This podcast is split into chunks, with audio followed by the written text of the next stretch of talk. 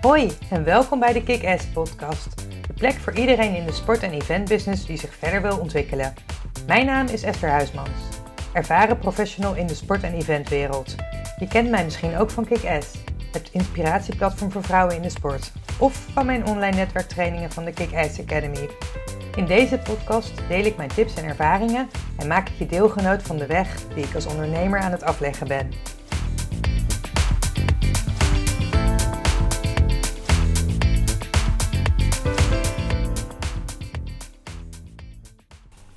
Vandaag wil ik een wat persoonlijker verhaal met je delen. Het is namelijk vandaag precies 25 jaar geleden dat mijn uh, vader is overleden. Althans, dat wij hoorden dat hij uh, er niet meer was. Ik heb het in een eerdere podcast ook al gedeeld, maar mijn vader heeft destijds besloten dat hij niet meer wilde leven.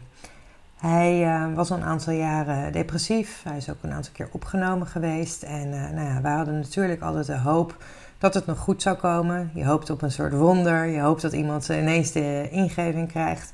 Maar helaas um, uh, ja, is dat niet gebeurd.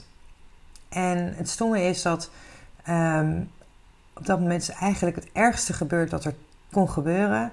En toch voelden we een bepaalde vorm van opluchting. Dat klinkt misschien heel stom, maar ja, als je jaren in angst zit, want ja, dit, dit speelde natuurlijk. Ik had niet verwacht dat hij dit zou doen, alhoewel hij het wel eens had geroepen.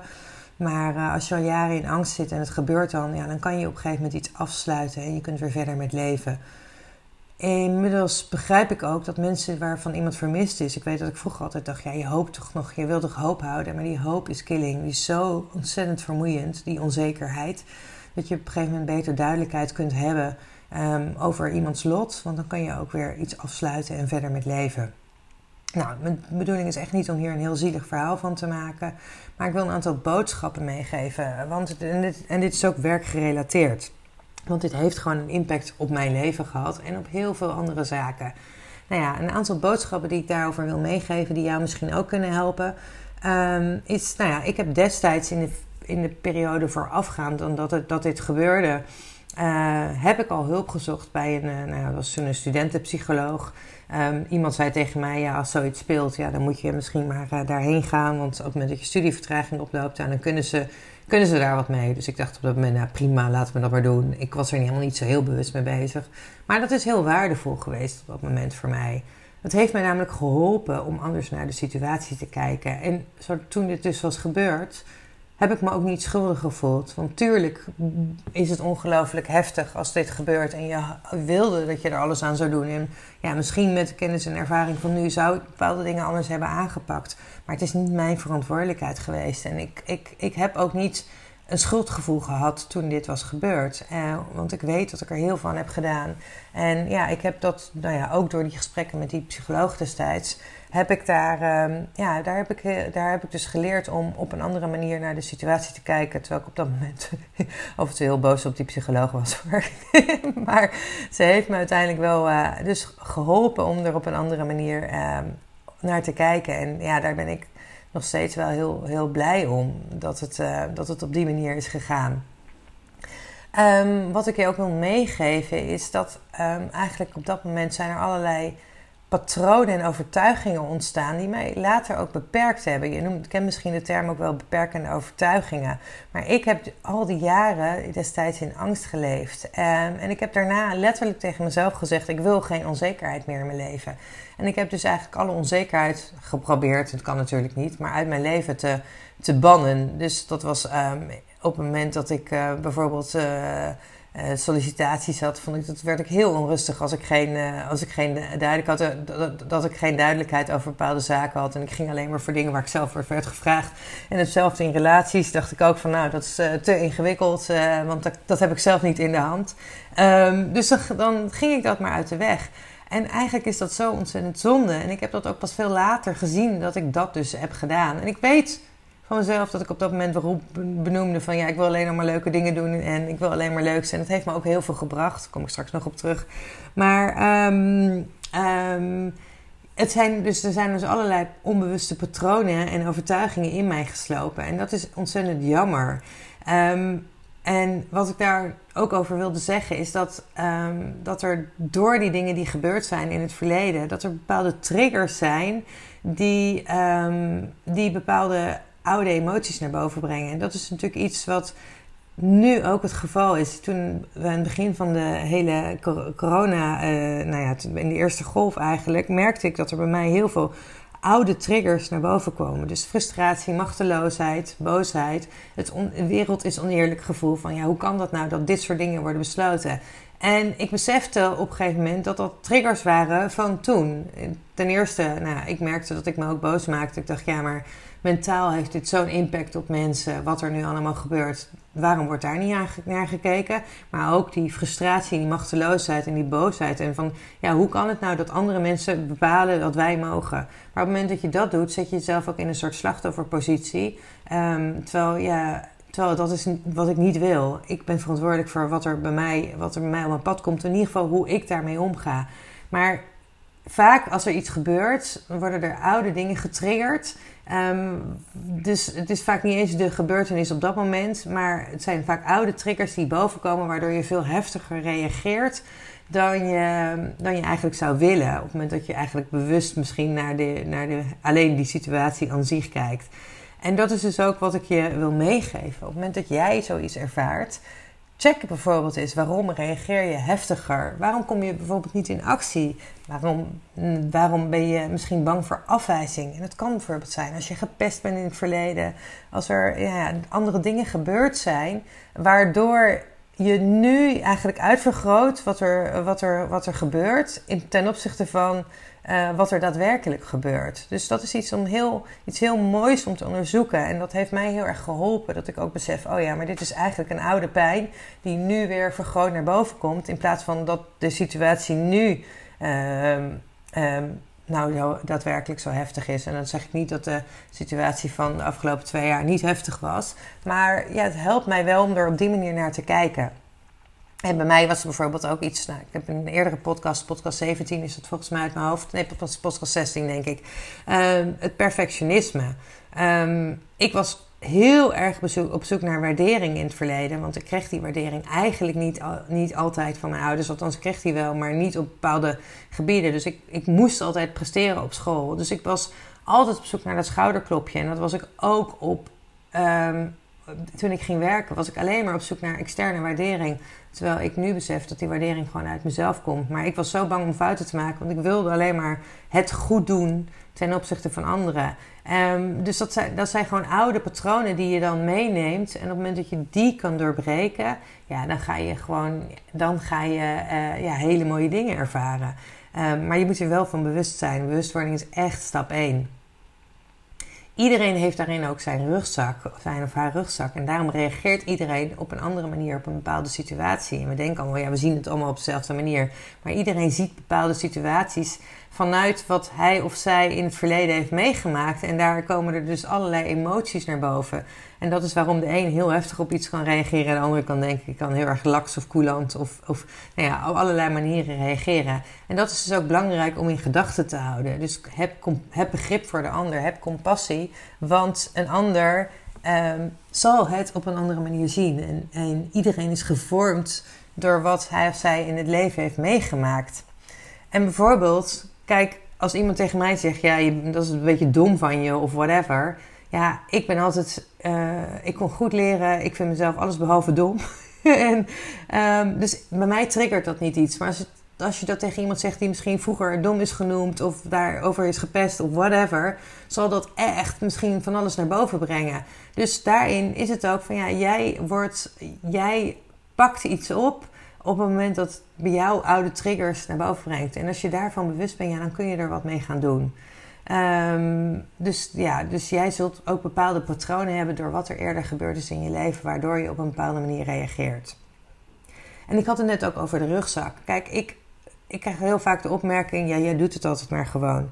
En ik doe het niet altijd maar gewoon, maar dat is een heel ander onderwerp voor de podcast. Ik laat me niet uh, tegenhouden door wat er allemaal mis kan gaan. Ik ga gewoon voor, oké, ten eerste ga ik ervoor zorgen dat het wel lukt. En ik geef mezelf die mogelijkheden om, um, nou ja, ook om misschien op mijn bek te gaan of om te falen of iets dergelijks. Want dat zie ik als learnings. heb ik ook in het verleden wat meer moeite mee gehad. Maar, ehm, eh, want ik wilde het allemaal gewoon perfect doen. Maar ik ben er altijd wel voor gegaan. En op dat moment wisten ook niet heel veel mensen, niet altijd mensen van wat er gebeurd was. Want kijk, in mijn studententijd, toen dit gebeurde, uh, ja, de mensen daar wisten het wel. Maar ik, het is niet iets wat ik per se aan de grote klok hing. Maar ik ben er ook niet um, stil over geweest, want ik wilde het altijd wel delen. Ik ben er wel open over geweest, maar nooit zo open als ik daar nu over ben in een podcast. Um, maar ik wilde niet een bepaald stempel op me uh, hebben van, oh ja, dat is dat meisje van, uh, waarvan die vader een eind aan zijn leven heeft gemaakt. Of whatever. Of dat mensen me zielig vonden of iets. En wat ik ook had, is dat mensen bijvoorbeeld schrokken um, op het moment dat dat gebeurde. En ze wisten niet als, hoe ze moesten reageren. Ik heb ook gemerkt dat zelfs vrienden het gewoon helemaal negeerden. Maar dat was ook gewoon uit hun on onvermogen. En dat zie ik ook nu, dat zag ik toen ook al. Af en toe best wel lastig. Want uh, ja, je wil gewoon begrip, je wil gewoon um, nou ja, je verhaal kwijt of iets dergelijks. Maar het is ook heftig. En um, een tip die ik daarin wil meegeven aan anderen. Weet je, um, op het moment dat zoiets gebeurt of iets heftigs gebeurt in iemands leven, al zeg je maar, joh, ik vind het vreselijk wat er gebeurd is. Ik weet gewoon even niet wat ik moet zeggen, maar ik denk aan je of zoiets in die trant, dat is al fijn. En ik neem het mensen ook niet kwalijk dat ze dat niet deden. Maar af en toe deed het natuurlijk best wel een beetje pijn dat ik gewoon, dat gewoon genegeerd werd. En dat is niet zo, want mensen liepen dan juist vaak op hun tenen. Maar, um, maar ja, dus dit is wat ik dan daarin wil, wil meegeven. En als dat het enige is wat je uit deze podcast meeneemt, dan is het al heel waardevol. Um, mij hielp het op dat moment ook um, misschien wel om, om alles in perspectief te zien. Want ik merkte ook dat mensen zich dan soms druk maakten om kleine dingen. En sommige mensen zeiden ook: Oh ja, waar, moet ik nou, waar loop ik nou over te zeuren? In jouw bij jou is het veel heftiger. Maar ja, er zijn altijd, altijd dingen die heftiger zijn. Ook dan dingen, dingen die heftiger zijn dan wat er met mij was gebeurd op dat moment. Dus um, het helpt soms ook om dingen in perspectief te plaatsen. Van die kleine dingen, ja, daar kon ik me op dat moment niet druk om maken. Kan ik me af en toe nu wel weer druk om maken. Dus natuurlijk ook in, dit, in de loop der tijd gaan dingen veranderen. Maar wat ik op dat moment wel ook besefte is, ja, waar focus je op? Je kan focussen op het verdriet, maar je kan ook focussen op... Uh, en het verdriet is heel belangrijk trouwens. Hè? Dat verdriet moet je niet, uh, niet onder de tafel schuiven. Ik heb heel veel gehuild in die, die, die jaren. Maar, um, maar je kunt op een gegeven moment ook focussen... oké, maar wat kan ik nu wel doen? En, um, en wat daar uh, op aansluit is um, de opmerking die ik op een gegeven moment van, een, van mijn coach in Engeland kreeg: is What if your worst day is actually your best day? En um, ik vond het best wel een lastige opmerking, uh, want ik dacht: ja, hallo, dit is, dit, hoezo kan dit mijn beste dag zijn dat mijn vader uh, een eind aan zijn leven heeft gemaakt? Maar um, waar het eigenlijk om gaat is Weet je, um, het is op dat moment toch al gebeurd. Dus je kunt dat niet meer veranderen. Je kunt die situatie niet meer veranderen. Maar hoe kun je er dan wel iets positiefs uithalen? Want er gebeuren ontzettend vervelende dingen. En je hoort ook vaak dat mensen die bijvoorbeeld heel ernstig ziek zijn geweest of iets eigenlijk, eigenlijk hun leven omgooien en er een positieve draai aan geven. En zeggen: Ja, ik ga nu echt doen wat ik wil. En dat was bij mij op 21-jarige leeftijd eigenlijk al duidelijk. Want ik merkte ook van ja, ik wil dingen doen die ik leuk vind. En ik heb op dat moment ook eigenlijk de beslissing genomen ik ga voor werk wat ik leuk vind. Ik ben niet een standaard carrière um, achterna gegaan naar mijn studie. Uh, ik heb eerst econometrie gedaan een jaartje en toen economie.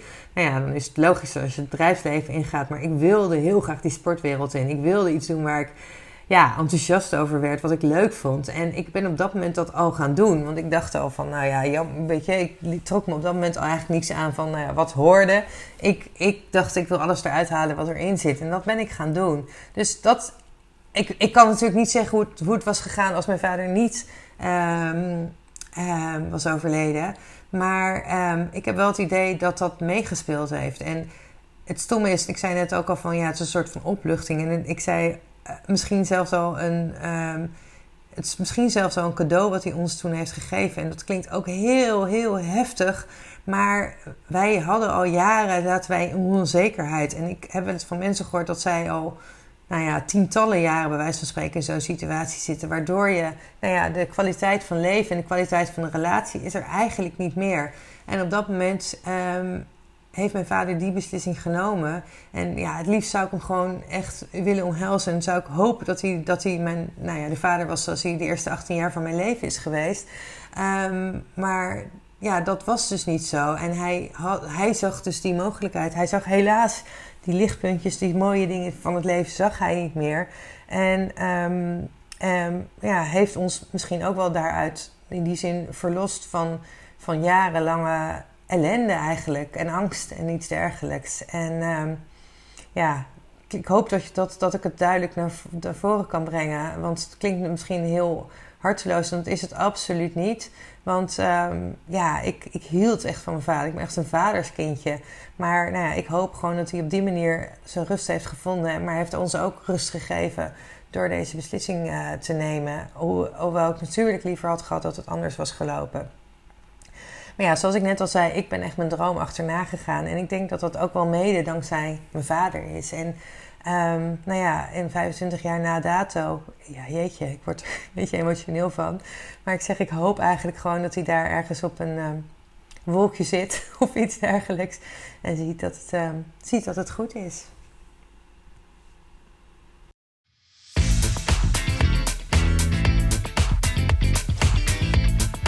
Dit was de aflevering van vandaag. Heel erg bedankt voor het luisteren. Vond je deze aflevering waardevol? Dan zou het heel fijn zijn als je een review wilt achterlaten op iTunes of op Spotify. Tot de volgende keer!